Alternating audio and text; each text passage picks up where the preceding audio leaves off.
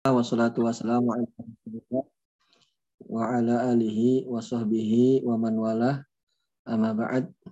Segala puja dan puji marilah kita senantiasa panjatkan kepada Allah Subhanahu wa taala yang terus-menerus tak henti-hentinya tetap memberikan banyak nikmat, kemudahan, yang memberikan rezeki, memberikan semua yang dibutuhkan oleh manusia dan kewajiban bagi kita semua adalah mensyukuri nikmat-nikmat Allah Subhanahu wa taala tersebut.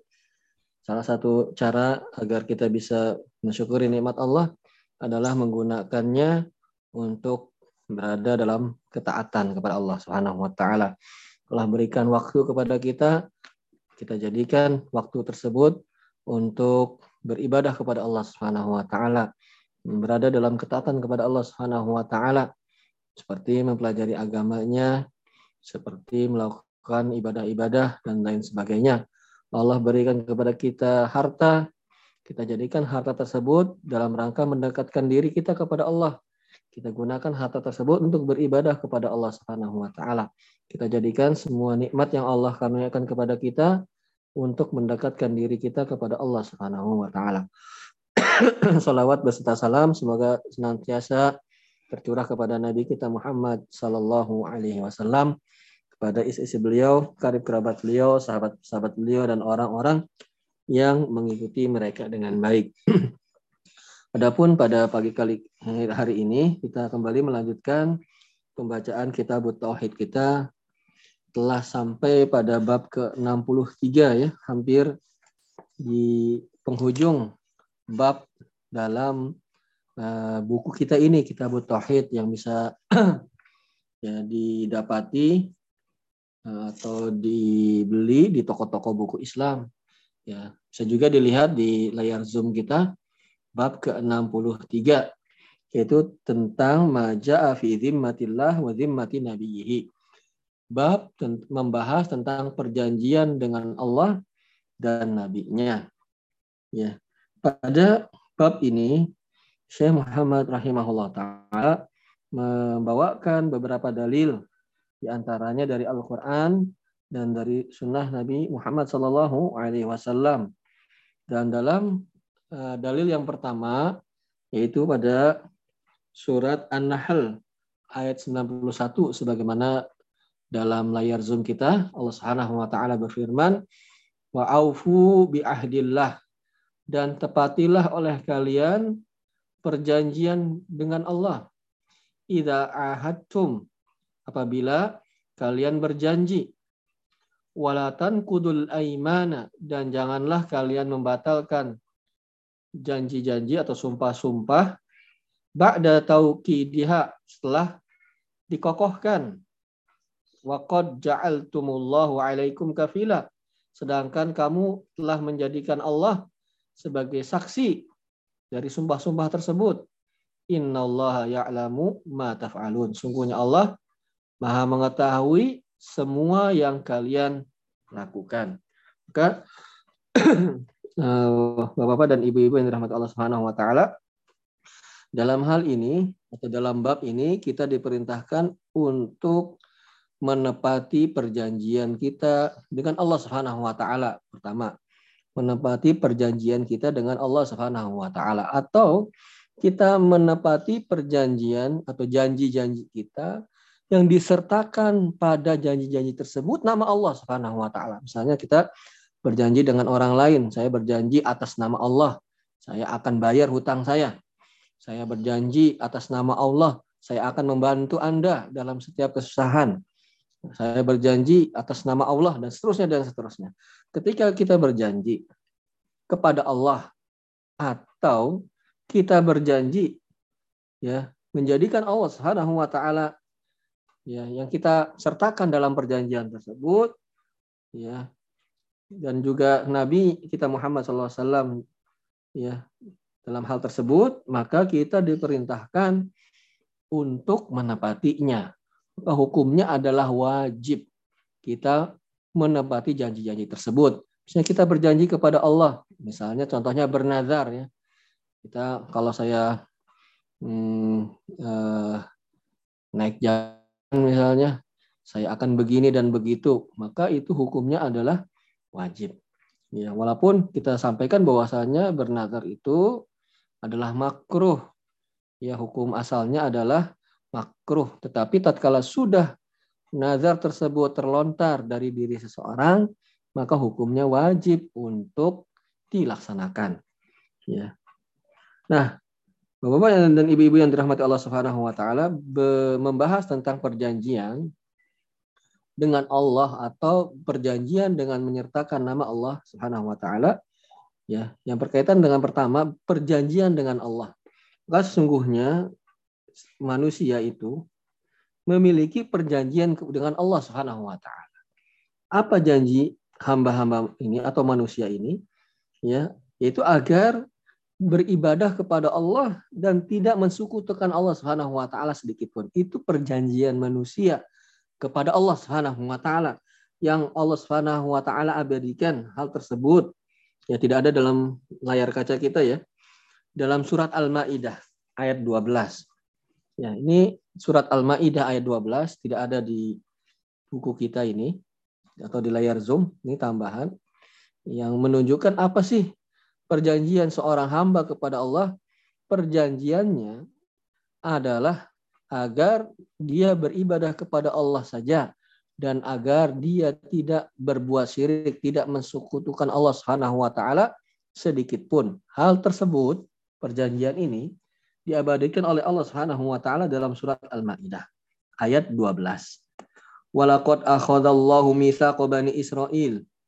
Ya, dan sungguh Allah telah mengambil perjanjian kepada Bani Israel, keturunannya Nabi Ismail, ya, apa namanya, di Bani Israel ya, ya manusia maksudnya di situ. Wabasna minhum musna asyra naqiba dan Allah telah mengutus kepada mereka 12 pemimpin.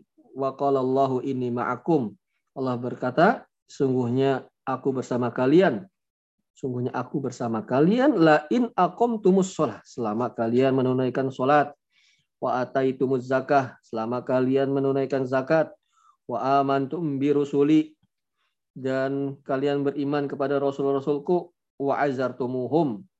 Dan kalian menolong mereka wa aqratumullahu qardan hasana ya dan kalian akan memberi pinjaman kepada Allah dengan pinjaman yang baik jadi uh, perjanjian manusia kepada Allah adalah agar mereka beribadah kepada Allah Subhanahu wa taala. Kemudian apa yang Allah Subhanahu wa taala akan berikan tatkala seorang hamba itu menunaikan perjanjiannya beribadah kepada Allah Subhanahu wa taala, perjanjiannya adalah beribadah kepada Allah la ankum sayyiatikum. Aku akan hapuskan dosa-dosa kalian wala udkhilannakum jannatin tajri min tahtihal anhar. Aku akan masukkan kalian ke dalam surga yang mengalir di bawahnya sungai-sungai. Jadi perjanjian manusia kepada Allah adalah agar beribadah kepada Allah Subhanahu wa taala. Itu perjanjian yang Allah Subhanahu wa taala abadikan. Jadi nah, kita punya janji kepada Allah Subhanahu wa taala. Ya, dan janji tersebut adalah beribadah kepada Allah dan untuk inilah sebetulnya diciptakannya manusia, diciptakannya kita ini, keberadaan kita di dunia ini itu Allah Subhanahu wa taala ciptakan bukan agar mengisi waktu saja, agar uh, apa, apa mencari kegiatan, aktivitas saja, mencari nafkah saja dan seterusnya dan seterusnya. Tapi tujuan utama kita berada di bumi ini, tujuan utama kita hidup di dunia ini adalah untuk beribadah kepada Allah Subhanahu wa taala wa ma khalaqtul jinna wal insa illa liya'budun. Tidaklah aku ciptakan jin dan manusia melainkan agar beribadah kepadaku dan itulah janji seorang hamba kepada Allah Subhanahu wa taala yaitu agar beribadah. Nah, kalau kita atau seorang hamba telah memiliki perjanjian dengan Allah, maka hukumnya wajib untuk dilaksanakan ya. Dilaksanakan uh, apa namanya? Uh, perjanjian kita dengan Allah Subhanahu wa taala. Jangan atau tidak boleh kita ingkar janji dalam dalam apa ayat yang kita baca tadi wa aufu bi ahdillahi idza ahadtum. Tepatilah perjanjian dengan Allah apabila kalian berjanji dan kita sudah berjanji untuk beribadah, maka harus hal tersebut ditaati atau dilaksanakan. Ya. Dan jangan dilarang kita untuk watala tankusul aimana ba'da tauqidiha. Janganlah kalian membatalkan sumpah-sumpah kalian setelah kalian mengukuhkannya, mengukuhkannya ya. Enggak boleh bagi seseorang tatkala dia telah berjanji kepada Allah kemudian membatalkannya atau berkhianat atau tidak menepati janjinya. Dan juga termasuk apabila seseorang memiliki perjanjian dengan pihak lain, dengan orang lain, maka wajib dia menunaikan janjinya tersebut, ya. Terlebih lagi apabila disertakan Allah Subhanahu wa taala dalam perjanjian tersebut. Kemudian hubungan antara memenuhi janji ya dengan pembahasan kita kitab tauhid apa sih? Kok ini kan katanya bukunya judulnya kitab tauhid. Kok masalah bahas menepati janji? Apa korelasi atau ada apa hubungan antara menepati janji ya dengan kitab tauhid atau dengan permasalahan tauhid? Maka hubungannya adalah ketika seseorang tidak menepati janji ya maka itu adalah mengurangi pengagungan dia kepada Allah Subhanahu wa taala. Allah Subhanahu wa taala memerintahkan kita untuk menepati janji. Ya. Janji kepada Allah, janji kepada orang lain, pihak lain yang disertakan Allah Subhanahu wa taala di sana. Allah memerintahkannya. Dan apabila kita berkhianat dari janji tersebut atau tidak memenuhi perjanjian tersebut, maka itu ada unsur pengurangan atau tidak kurangnya kita mengagungkan Allah Subhanahu wa taala dan itu yang berkaitan dengan permasalahan tauhid. Kurangnya seorang dalam mengagungkan Allah Subhanahu wa taala itu berpengaruh terhadap tauhidnya. Semakin seorang mengagungkan Allah Subhanahu wa taala di antaranya dengan menepati perjanjian yang Allah Subhanahu wa taala perintahkan agar kita menepati janji-janji kita, maka hal tersebut merupakan pengagungan terhadap Allah Subhanahu wa taala. Nah, itu dalil pertama yang berkaitan dengan permasalahan bab kita agar mematuhi perjanjian agar memenuhi perjanjian terutama dengan perjanjian terhadap Allah Subhanahu wa taala terutama dengan perjanjian yang menyertakan nama Allah Subhanahu wa taala dan rasulnya. Kemudian setelahnya dinukilkan atau dibawakan oleh penulis rahimahullahu taala sebuah hadis yang lumayan panjang ya, yang cukup panjang hadisnya. Ya. Hadis eh, yang akan kita bacakan ini Ya. Hadisnya panjang nih. Sebentar. Hadis yang sahih ya.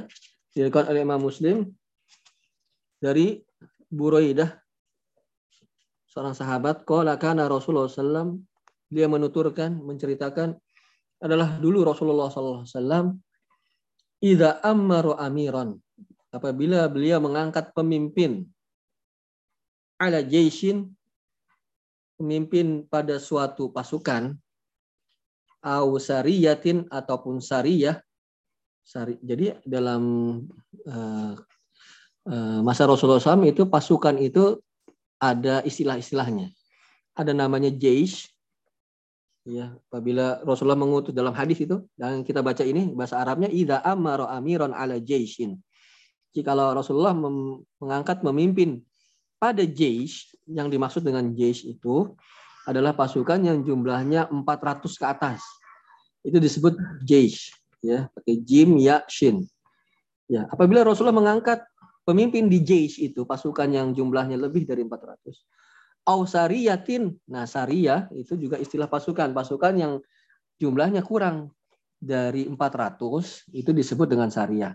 Intinya ketika Rasulullah mengangkat suatu pemimpin di pasukan, mengangkat komandan di pasukan, suatu pasukan. Ya, ada yang namanya Jais, ada yang namanya Saria. Pasukan kecil itu Saria, pasukan utama yang besar itu jumlahnya namanya Jais. Nah, ketika Rasulullah mengangkat komandan atau pemimpin pada pasukan tersebut, maka ausohu bitaqwallah. Maka Rasulullah SAW merwasiat yang berwasiat kepadanya agar dia bertakwa kepada Allah Subhanahu wa taala. Subhanallah. Ya. Pesan atau wasiat dari Nabi SAW ketika mengangkat memimpin yang pertama kali adalah agar bertakwa kepada Allah Subhanahu wa taala. Ya, dinasihati agar dia bertakwa kepada Allah Subhanahu wa taala. Seringkali kita mendengar kata takwa. Apakah maksud dari takwa? Takwa itu adalah pada intinya menjalankan perintah Allah Subhanahu wa taala dan menjauhi larangan-larangannya. Nah, Rasulullah SAW ketika mengangkat pemimpin yang diminta pertama kali kepadanya adalah agar dia bertakwa kepada Allah Subhanahu wa taala. Kemudian wabiman ma'ahu minal muslimin khair. Dan Rasulullah SAW juga masih ya, masih di atas di halaman 252 mungkin atau 25 ya. Nah, dan juga Rasulullah SAW berwasiat kepada orang yang bersama pemimpin tersebut dari kalangan kaum muslimin maksudnya bawahannya ya mengangkat ketika mengangkat pemimpin pasukan atau pemimpin pada umum dan bawahan-bawahannya dan pasukan-pasukannya Rasulullah berwasiat kepada sang pemimpin agar dia bertakwa kepada Allah, agar dia taat kepada Allah, agar dia menjauhi maksiat Allah Subhanahu wa taala. Ya, yang diminta itu yang pertama kali, bukan pertama kali ya adalah hal-hal yang bersifat duniawi. Yang pertama kali diminta dari sang pemimpin tersebut, dari sang komandan tersebut agar dia bertakwa kepada Allah, agar dia menjalani ketaatan kepada Allah dan menjauhi kemaksiatan. Kemudian juga berwasiat kepada pasukannya, bawahannya, berwasiat yang baik, ya, berwasiat tentang ketaatan, agar rajin beribadah, agar menjauhi kemaksiatan, hal-hal yang baik, ya. Jadi ini adalah sunnah ya ketika seseorang mengangkat pemimpin ya dia berwaksiat kepada pemimpin tersebut ketakwaan. Ya mungkin kalau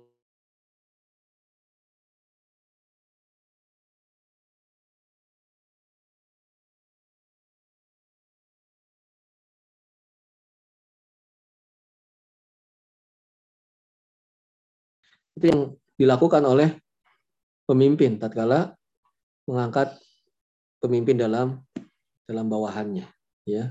Yang bukan hal-hal duniawi dulu ya agar yang rajin yang ini, yang itu. Tetapi yang pertama kali diwasiatkan oleh Nabi kita Muhammad SAW kepada ketika pengangkatan pemimpin, ya adalah agar bertakwa kepada Allah dan berwasiat kepada bawahannya agar melakukan hal-hal yang baik, berwasiat kebaikan kepada kepada para bawahannya tersebut. Nah, di antara yang beliau sampaikan di di saat tersebut ya, apel siaga mungkin ya gitu ya. Atau ketika mau berangkat sang apa, pasukan dan pemimpinnya tersebut yang beliau pidatonya beliau atau nasihat beliau kepada mereka adalah uzu bismillah. Berperanglah kalian. Ya ini karena konteksnya pasukan ya. Ya pasti berperang gitu kan. Berperanglah kalian dengan nama Allah Subhanahu wa taala. Ya artinya ketika berperang itu meminta kaum muslimin itu meminta pertolongan kepada Allah Subhanahu wa taala, meminta perlindungan kepada Allah Subhanahu wa taala ini menunjukkan bahwasanya uh, begitu tingginya keimanan seharusnya ya, tingginya keimanan orang-orang yang beriman itu atau orang kaum muslimin itu. Menyadarkan pertama kali segala us apa yang ingin dia lakukan ya menginginkan pertolongan Allah Subhanahu wa taala dengan bismillah.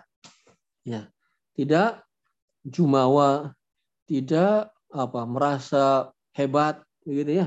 Tetapi ketika ingin melaksanakan suatu tugas, maka bismillah, meminta pertolongan dari Allah Subhanahu wa taala karena seorang hamba itu hakikatnya lemah.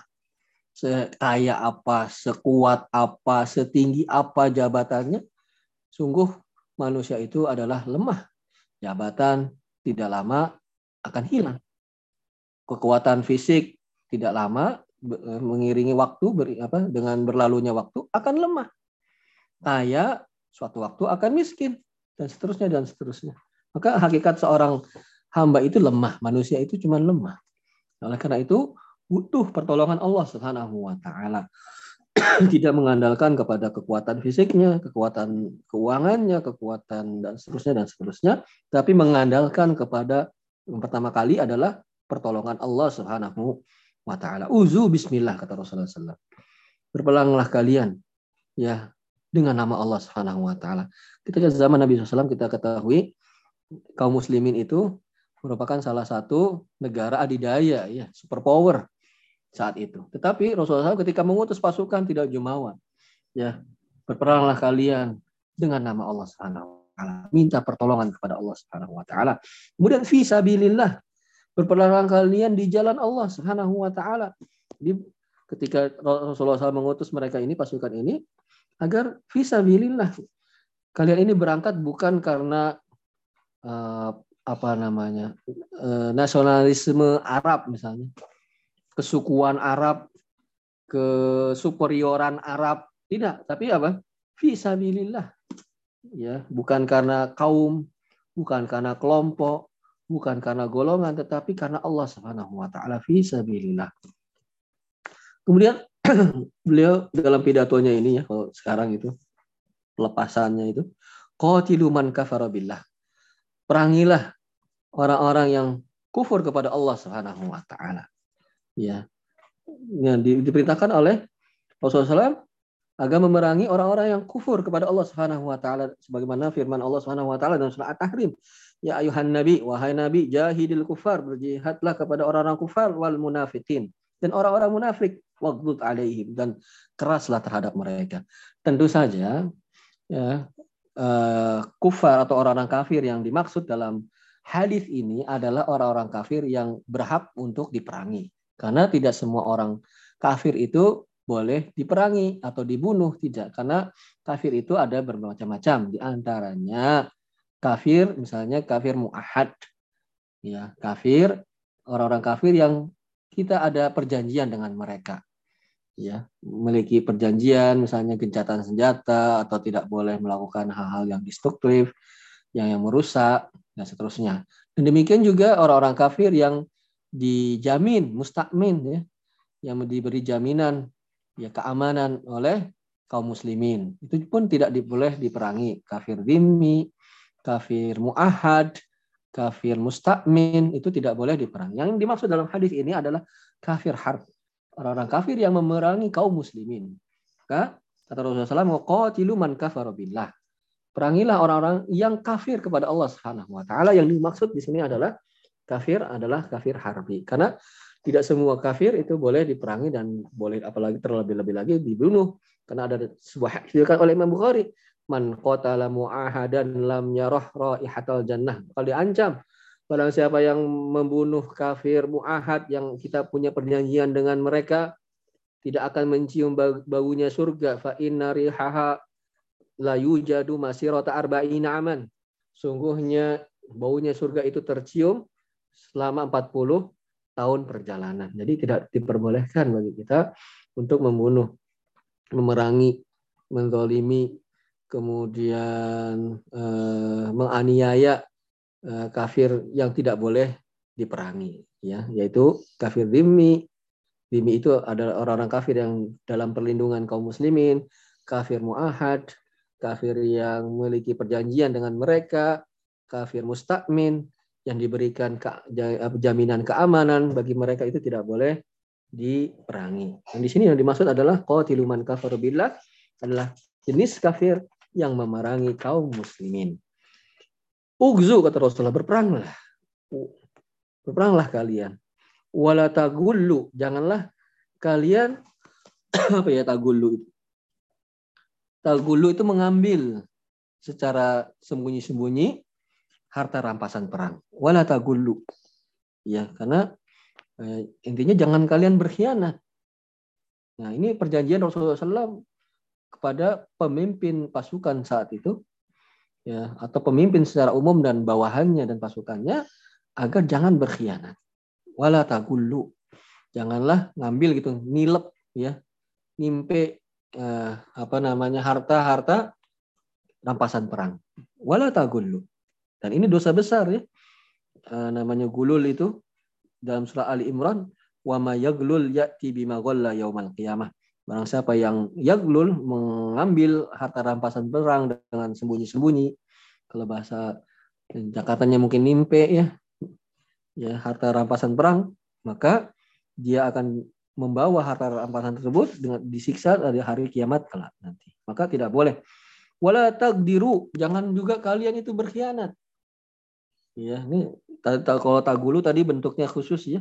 Dia berkhianat dalam mengambil harta rampasan perang. Wala tagdiru, janganlah kalian juga berkhianat. Ya. Nah, ini yang masuk pembahasan kita.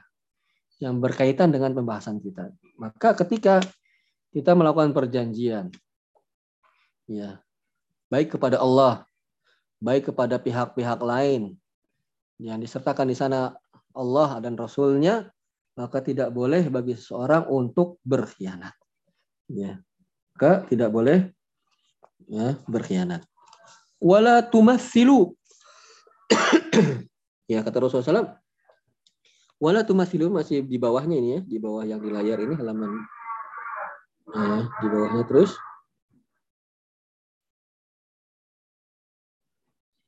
Oh ya. Janganlah kamu menggelapkan ke, ke, ke, ke atas lagi sedikit. Nah, gitu. Janganlah kamu kalian menggelapkan harta rampasan perang itu adalah ya glul. Janganlah berkhianat. Nah, ini yang berkaitan dengan pembahasan kita. Wala tagdiru. Jangan menghianati perjanjian.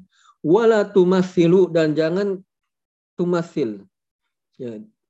Janganlah kalau di sini diterjemahkan jangan mencincang korban yang terbunuh. Maksudnya jangan, janganlah memutilasi. Tidak boleh mutilasi itu dalam Islam. Sampai sampai saat perang pun nggak boleh. Ya, dipotong bagian tubuhnya, kepalanya, kemudian ditenteng-tenteng gitu, ditakut-takuti seperti yang dilakukan sebagian kelompok itu, maka tidak boleh. Ya. Sebagaimana perintah Nabi kita Muhammad SAW, wala tumathilu. Jangan kalian memutilasi, memotong-motong bagian tubuh musuh, nggak boleh. Ya dipotong kupingnya ya ada ya kalau sini sebagai kenang-kenangan itu kan semakin banyak kuping yang dikoleksi menunjukkan banyaknya musuh yang dibunuh. Nah itu nggak boleh. Seperti itu. Wala tumasilu menunjukkan Masya Allah ya. Adabnya Islam itu begitu tinggi. Sampai-sampai saat berperang pun tetap tidak barbar gitu ya. Jadi tidak seperti yang digambarkan oleh orang-orang yang memusuhi Islam ya. Sebagian besar, sebagian kalangan dari kalangan barat yang menggambarkan Islam itu begitu sadismenya, begitu barbarnya. Maka propaganda mereka sebetulnya itu adalah kebohongan yang yang nyata. Bagaimana menjadi orang-orang yang barbar, sedangkan dalam perang saja ada adab-adab yang harus dipatuhi oleh kaum muslimin. Di antaranya adalah tidak boleh memutilasi wala tumasilu. Janganlah kalian memutilasi, memotong-motong bagian tubuh musuh. Dipotong-potong, dipamerkan, ditakut-takuti orang. Nah, itu tidak boleh. Walaupun dia kafir tuh. Walaupun dia kafir yang memerangi kaum muslimin, kok tidak boleh seseorang memutilasi tatkala berperang dengan mereka. Kemudian adab-adabnya begitu luhur kita melihat nih. Islam itu bukan termasuk uh, apa yang brutal gitu ya. Tidak, lihat adab berperang saja. Lihat dalam hadis ini. Wala taqtulu walidan. Ya, jangan kalian membunuh anak-anak tuh. Anak-anak nggak boleh dibunuh, dibantai nggak boleh. Dalam perang itu dalam perang tidak boleh. Ya, wa laqita aduwaka minal musyrikin. Jikalau engkau menemui, mendapati ya musuh-musuh kamu dari kalangan musyrik, orang-orang musyrik, fad'uhum ila salat ila salasi. Maka ajak mereka ke salah satu dari tiga hal.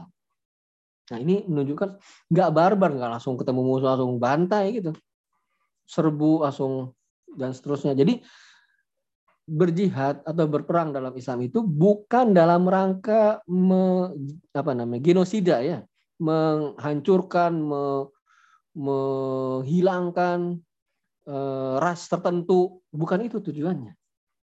Tujuan perang atau tujuan jihad dalam Islam adalah agar meninggikan kalimat Allah Subhanahu wa. Ya. Ketika dakwah ini diperangi, dakwah Islam itu eh, diperangi maka di, per, di apa eh, para pemimpin kaum muslimin ya dengan melihat situasi dan kondisi diperbolehkan bagi mereka untuk berjihad. Dan jihad itu pun tadi kita sampaikan tidaklah seperti yang digambarkan oleh sebagian pihak. Memang betul sebagian kaum muslimin, sekelompok ya atau sebetulnya kecil ya, sekelompok kecil dari orang-orang Islam itu memang melakukan hal-hal yang tidak ya sepatutnya dilakukan oleh orang-orang Islam dalam berperang. Ya, dan itu langsung di blow up gitu ya. Sebagian kecil dari orang Islam yang nyeleneh yang tidak sesuai dengan aturan Islam, kemudian itulah yang digambarkan Islam secara umum. Islam itu demikian. Padahal tidak demikian. Itu kelompok menyimpang, kelompok nyeleneh, kelompok yang tidak mengikuti syariat Islam dengan benar, kemudian dibuat kelompok yang kecil nyeleneh dan tidak mewakili Islam itu seakan-akan inilah Islam. Ya itulah kelakuannya atau perbuatannya orang-orang yang tidak menyukai Islam. Ya, pada lihat kalau mereka mau jujur, mau meneliti, lihat adab-adab dalam berjihad, dalam berperang, bagaimana eh, ketinggian akhlak kaum muslimin. Tidak boleh membunuh ya orang anak-anak kecil. Ya, dalam hadis lain tidak boleh membunuh rahib saja tidak boleh. Ahli ibadah. Ya, ahli ibadahnya orang kafir itu tidak boleh dibunuh. Orang tua tidak boleh dibunuh. Ya, hewan ternak tidak boleh dibunuh. Ya. Rumah ibadah tidak boleh dihancurkan kecuali semua itu digunakan untuk memerangi kaum muslimin. Ada perempuan nggak boleh dibunuh kecuali wanita itu memang memerangi ikut berperang atau membantu untuk memerangi kaum muslimin. Demikian pula anak-anak tidak boleh dibunuh kecuali kalau dia ikut berperang atau membantu untuk memerangi kaum muslimin. Dan semuanya tempat ibadah ini berlaku umum. Tidak boleh selama tidak digunakan untuk memerangi kaum muslimin. Ya. Nah, ini ketinggian uh, akhlak, adab ya Islam bahkan tatkala berperang pun ya, menjaga hal-hal tertentu apa saja yang tidak boleh dilakukan. Kemudian tidak langsung ya langsung membunuh, langsung menyerang dan seterusnya, tetapi diajak, diberi pilihan tawaran dulu. Ya, tiga hal fa ayatuhunna ma'ajabuka faqbal minhu. Maka apa pun dari tiga hal tersebut yang ditawarkan kepada mereka, apabila mereka memenuhinya salah satu dari tiga, maka terima kata Rasulullah SAW. Wa anhu maka tahan, jangan menyerang mereka. Nah, itu diberikan pilihan dulu sebelum berperang. Ya. Summa du'uhum ilal Islam, pilihannya apa saja? Ya, pertama ajak mereka kepada Islam. Ya, tawarkan Islam kepada mereka. Ya, ini menunjukkan bahwasanya jihad jihad itu bukan dalam rangka untuk genosida, menghilangkan mem, apa membunuh ke akar-akarnya totalitas semua tidak boleh ada yang hidup, bukan.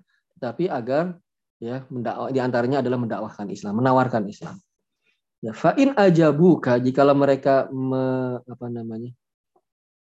hmm, aja buka itu menerima ya menerima engkau misalnya ditawarkan Islam dia menerima atau mereka menerima Islam fakbal minhu maka terima.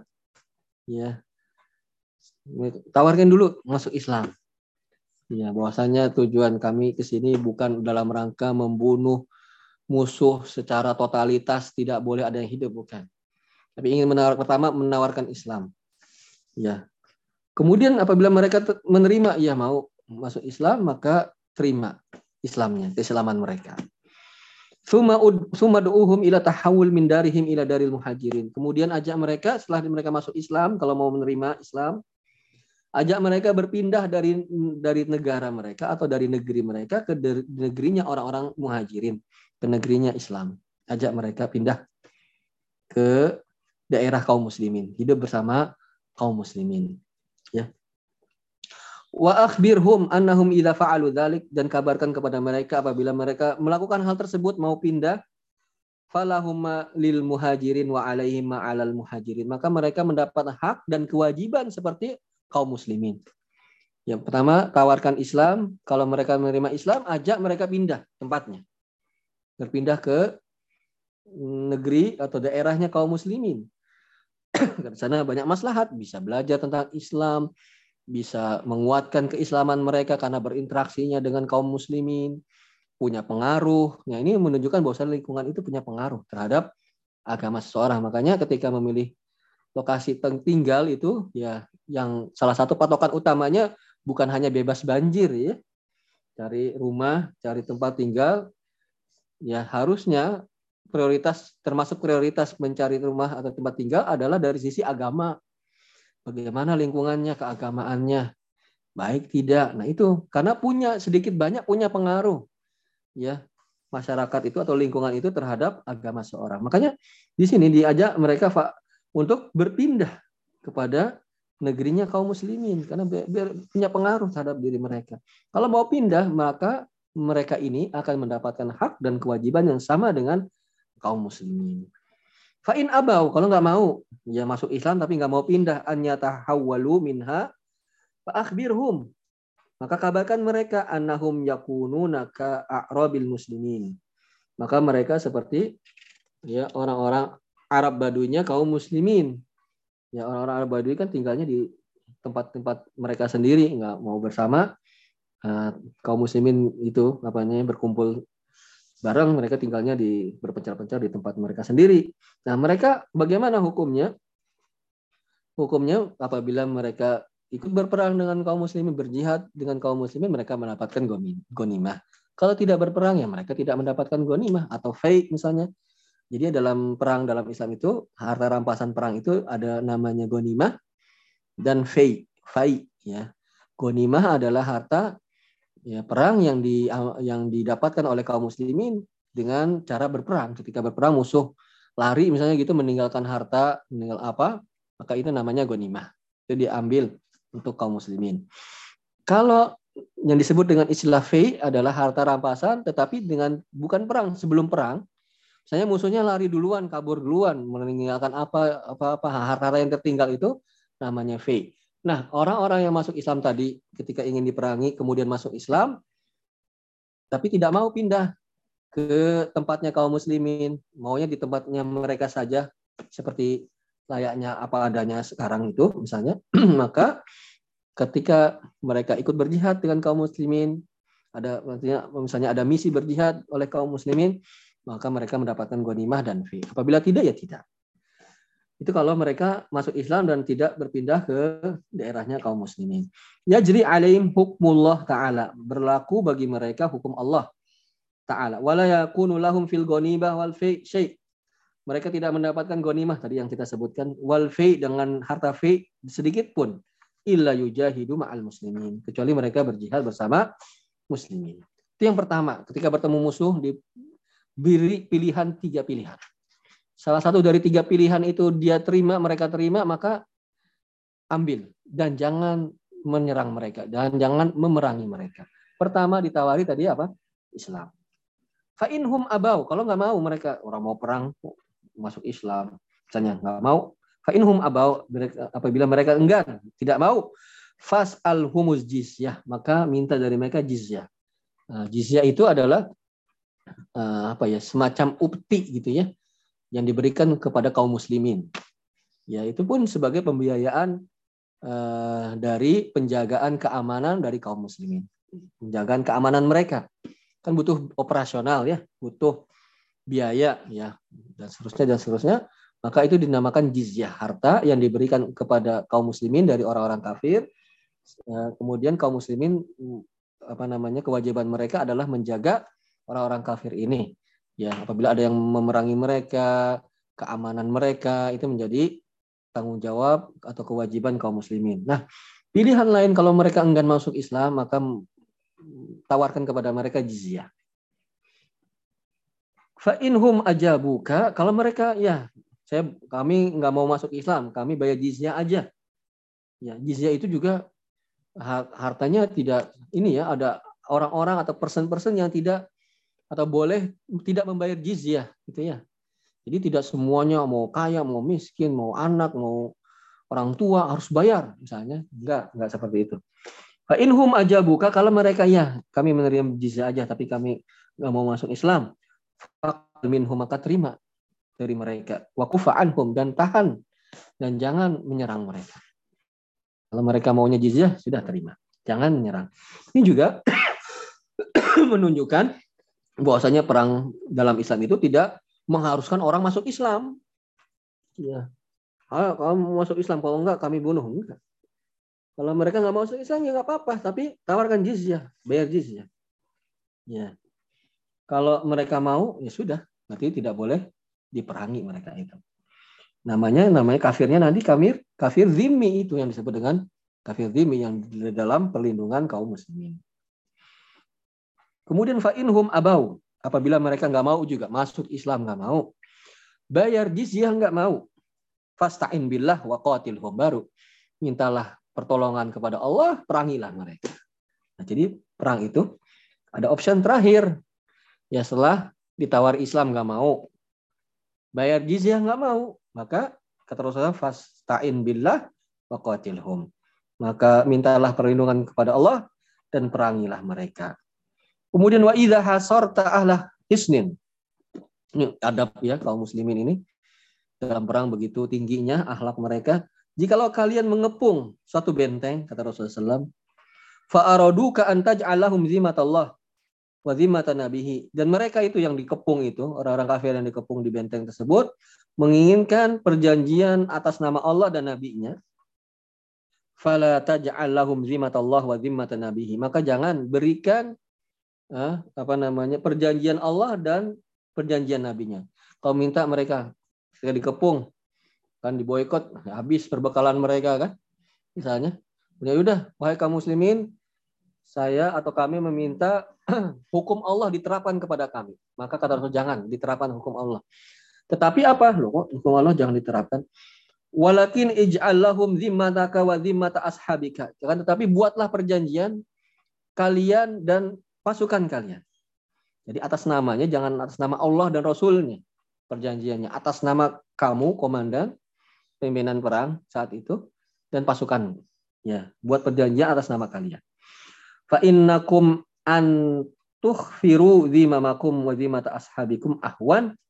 Kalau kalian ya berkhianat dengan perjanjian kalian dan perjanjian pasukan kalian ahwanu itu lebih ringan hukumnya. Min an tukhfiru dhimatallah wa dhimata nabi.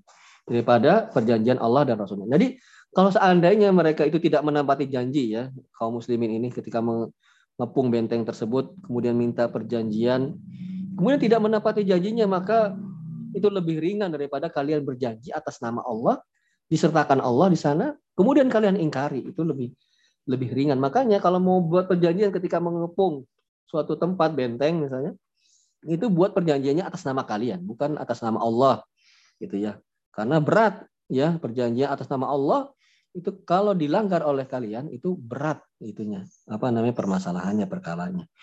Wa idza hasarta ahla hisnin apabila kal, kal, kalian menutung ngopung ya suatu benteng fa'aradu ka antun zilahum ala hukmillah mereka menginginkan agar diterapkan hukum Allah falatun zilhum ala hukmillah jangan kalian terapkan hukum Allah kepada mereka Walakin anzilhum ala hukmika, tetapi terapkan hukummu, ya, keputusanmu, kebijaksanaanmu, bukan hukum Allah yang kamu terapkan kepada mereka. Fa innaka la tadri atusibu fihim hukmallah amla. Karena kamu tidak tahu apakah kamu emang benar-benar menerapkan hukum Allah kepada mereka atau tidak. Jadi jangan sampai nanti atas nama hukum Allah ternyata kok dolim gitu ya. Padahal bukan hukum Allah. Padahal itu cuma kebijakan pemimpin ketika itu. Maka jangan. Kalau minta diterapkan hukum Allah jangan. Terapkan hukum kamu itu, kebijaksanaanmu dalam permasalahan tersebut. Karena apa? Berat nanti. Nanti pertama, oh ternyata hukum Allah kok gitu, dolim, misalnya. Mereka mengira begitu. Ya, maka demi kamu, kamu tidak mengetahui secara pasti apakah kamu menerapkan hukum Allah atau tidak. Maka ketika mengepung suatu benteng, kata Rasulullah SAW, mau berbuat perjanjian jangan atas nama Allah.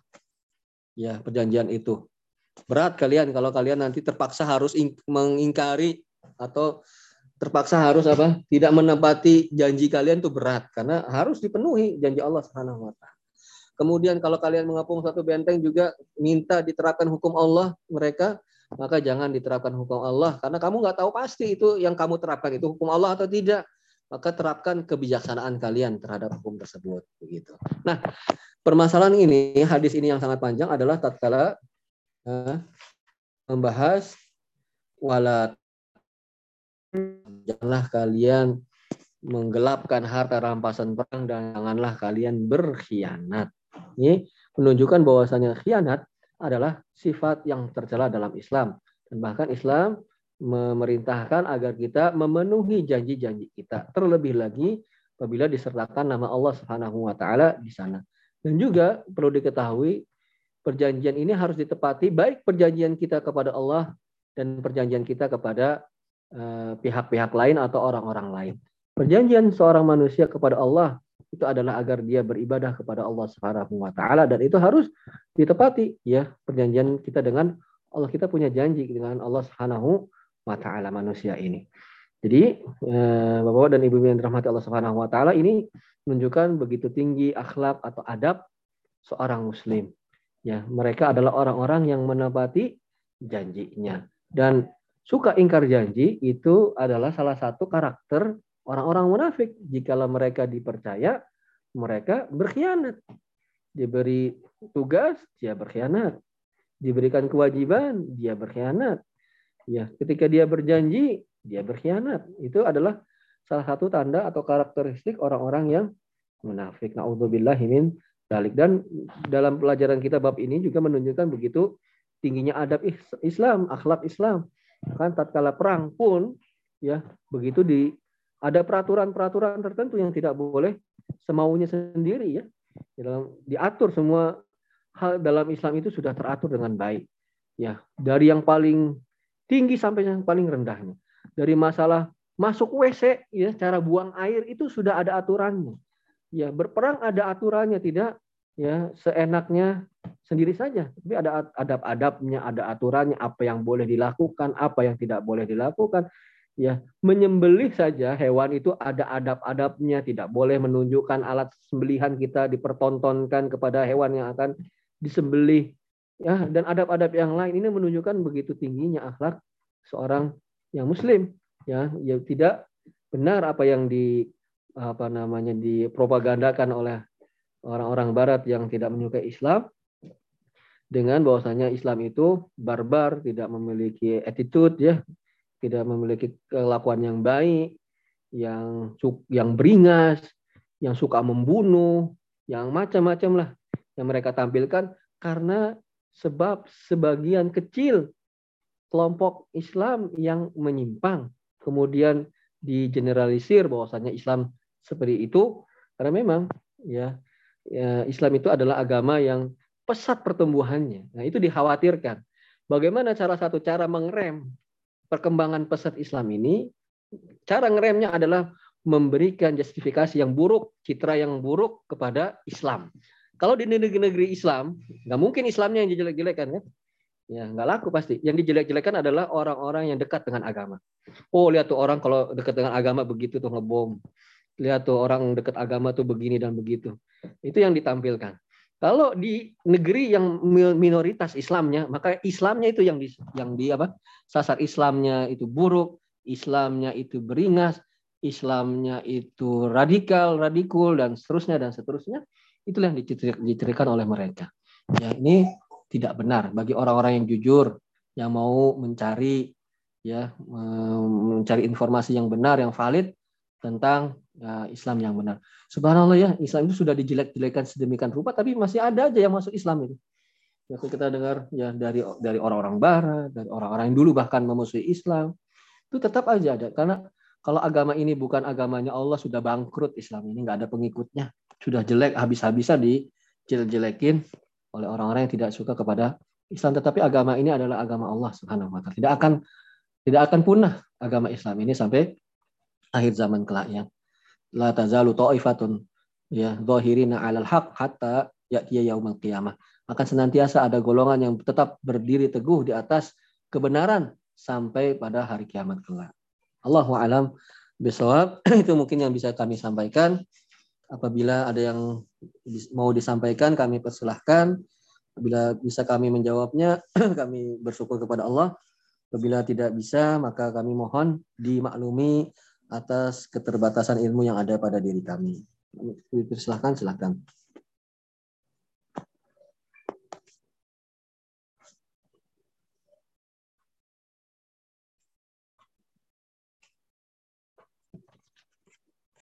Ada yang mau disampaikan Bapak-Bapak? Ibu-ibu? Jadi inti pembahasan kita adalah membahas tentang apabila kita memiliki perjanjian, maka perjanjian hal tersebut harus dipenuhi. Karena perjanjian itu diperintahkan oleh Allah Subhanahu wa taala agar kita memenuhi setiap perjanjian. Wa aufu bi ahdillahi idza ahdu ya bagaimana diri dinukilkan dalam pembahasan kita. Jadi dan tepatilah perjanjian dengan Allah jika kalian berjanji. Ya, jadi setiap perjanjian itu adalah hukumnya wajib untuk dipenuhi. Ya, eh, ketika seorang tidak menamati perjanjian itu menunjukkan bahwasanya kurangnya pengagungan dia kepada Allah Subhanahu wa taala. Allah Subhanahu wa taala memerintahkan untuk memenuhi perjanjian sedangkan dia tidak atau dia berkhianat terhadap perjanjian tersebut itu menunjukkan bahwasanya kurangnya pengagungan dia terhadap Allah Subhanahu wa taala. Nah, itulah pengurangnya dia dengan pengagungan kepada Allah itu berkaitan dengan tauhid seseorang. Maka tauhid seseorang itu pun e, berkurang nilainya atau cacat, ada sisi cacatnya ketika pengagungannya terhadap Allah Subhanahu wa taala berkurang. Nah, itu korelasi atau hubungan antara memenuhi perjanjian dengan permasalahan tauhid. Allahu alam bisawab. Semoga uh, hal ini bisa bermanfaat. Ya, semoga Allah Subhanahu wa taala menjadikan kita orang-orang yang memenuhi janji apabila berjanji. Semoga Allah Subhanahu wa taala memudahkan semua urusan kita di dunia dan akhirat. Kami tutup dengan doa subhanak Allahumma ka Wassalamualaikum warahmatullahi wabarakatuh. Waalaikumsalam warahmatullahi wabarakatuh.